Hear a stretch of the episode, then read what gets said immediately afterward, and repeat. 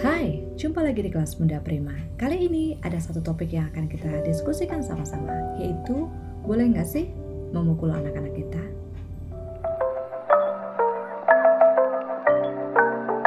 Hai, ini adalah kelas Bunda Prima.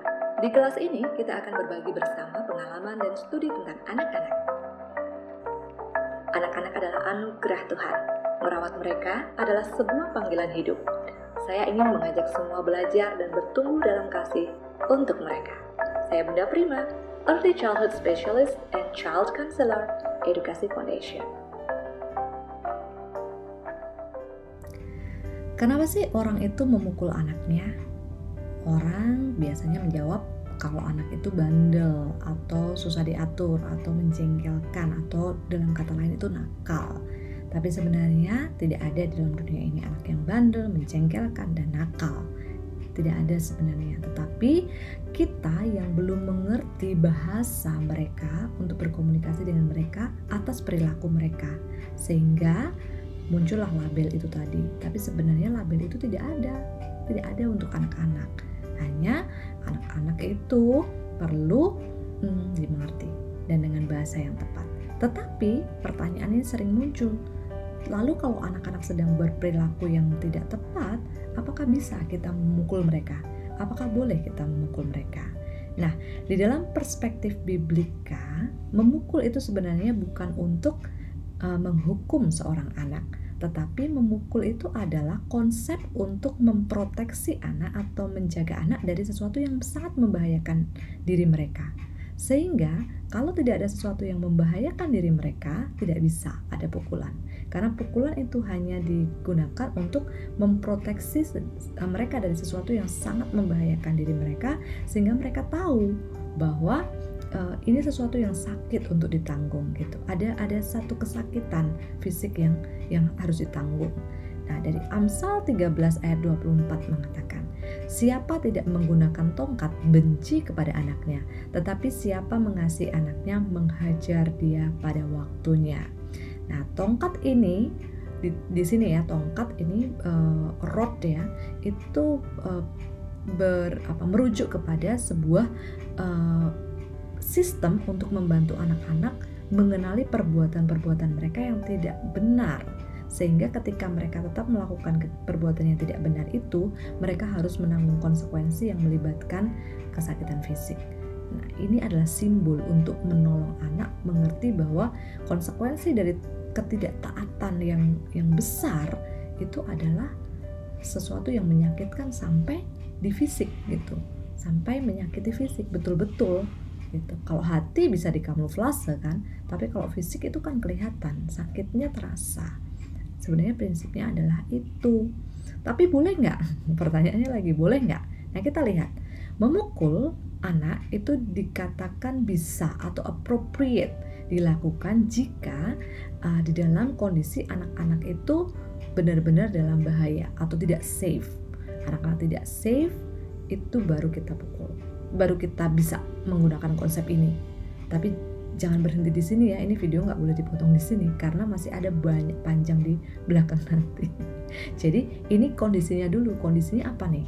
Kalau anak-anak kita dalam bahaya besar yang mengancam.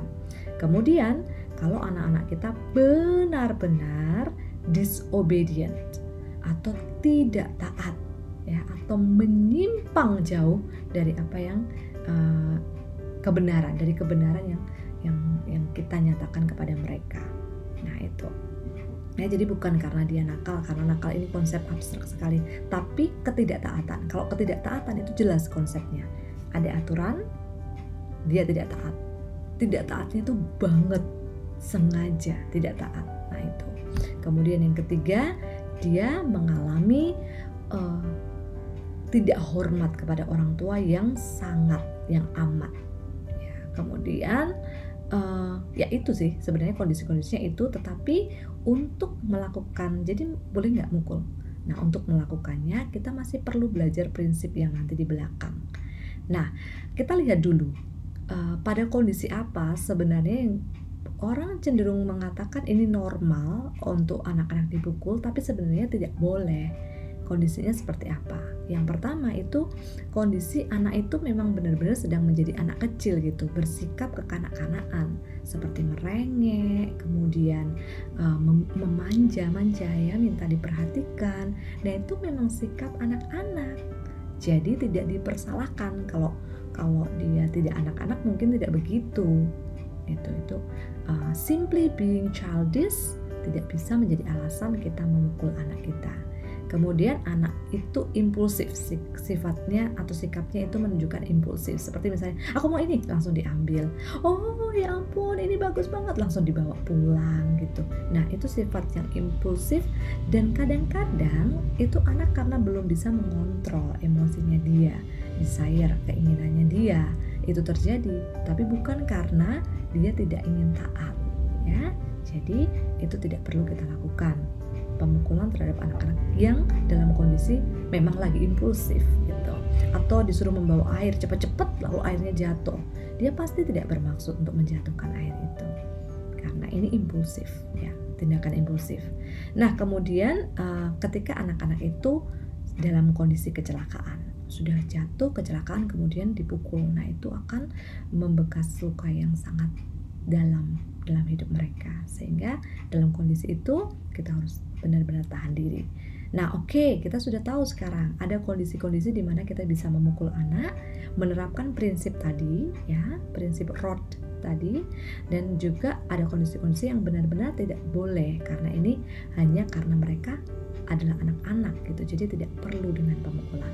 Tetapi masih ada banyak prinsip yang harus kita lewati sebelum memukul anak itu terjadi. Nah, kali ini saya akan bagikan beberapa aja ya, karena ini panjang sekali.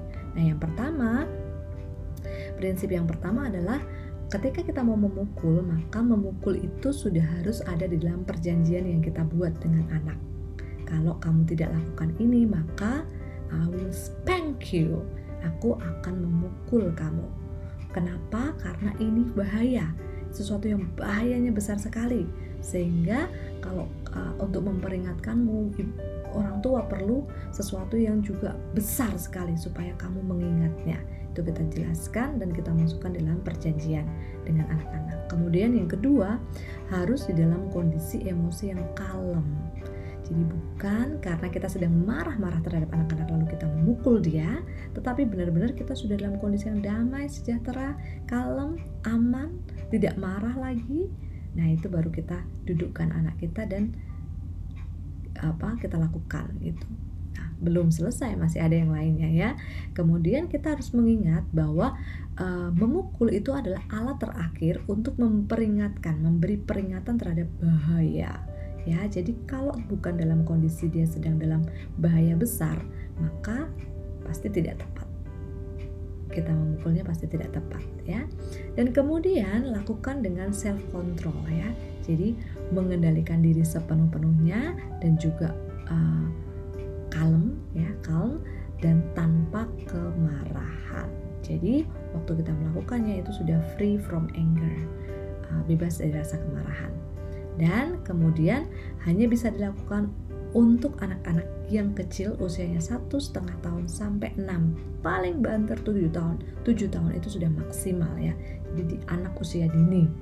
Nah lebih dari itu itu akan sangat merusak relasi kita dengan mereka akan melukai harga diri mereka akan menodai rela, apa interaksi kita dengan mereka. Kurang dari itu itu akan melukai anak-anak secara fisik karena di bawah satu setengah tahun anak-anak mungkin masih lemah jadi anak satu setengah tahun ya dia mulai belajar banyak emosi sampai anak tujuh tahun maksimal. Hanya dalam periode itu bisa dilakukan. Kemudian yang terakhir kita harus menjelaskan mengapa sebelum kita memukul kita masukkan ke ruang yang privat ya. Kemudian kita harus di ruang yang privat tidak boleh ada orang lain hanya saya dan dia dan kemudian kita menjelaskan nak saya mama papa harus memukul kamu saat ini karena ini perjanjian kita dan kamu melanggar. Dan ini sudah ke enam kalinya kamu melanggar. Dan yang kamu langgar itu bahaya besar buat kamu. Maka hari ini dengan hati yang pedih mama dan papa harus melakukan ini ya. Dan yang terakhir mencari yang terakhir dalam konteks ini ya uh, kita mencari bagian mana yang mungkin tidak tidak membekas ya uh, tidak membekas untuk mereka ya. Misalnya di lengan atau di uh, sorry pantat dan sebagainya. Sehingga um, itu tidak meninggalkan bekas dalam kepada mereka. Dan toh pun itu sudah dirawat dengan sehat. Nah tapi biasanya ketika kita sudah lega dengan semua ini dan anak kita waktu kita bilangin dia sudah mengakui menyesali betul-betul maka tidak perlu lagi sebenarnya spanking atau memukul anak itu. Jadi pertanyaannya apakah boleh memukul atau tidak? Nah kita sebenarnya harus mengganti pertanyaannya. Pertanyaannya adalah untuk apa kita memukul anak? Dan sudahkah kita melewati prinsip-prinsip yang benar ketika kita akan memukul anak. Pertanyaan terakhir, jika itu semua sudah terjadi, sudah kita lewati prinsip-prinsip itu, kita sudah mengerti, akankah kita masih memerlukan memukul anak kita? Nah, itu yang akan kita renungkan sama-sama. Thank you. God bless you.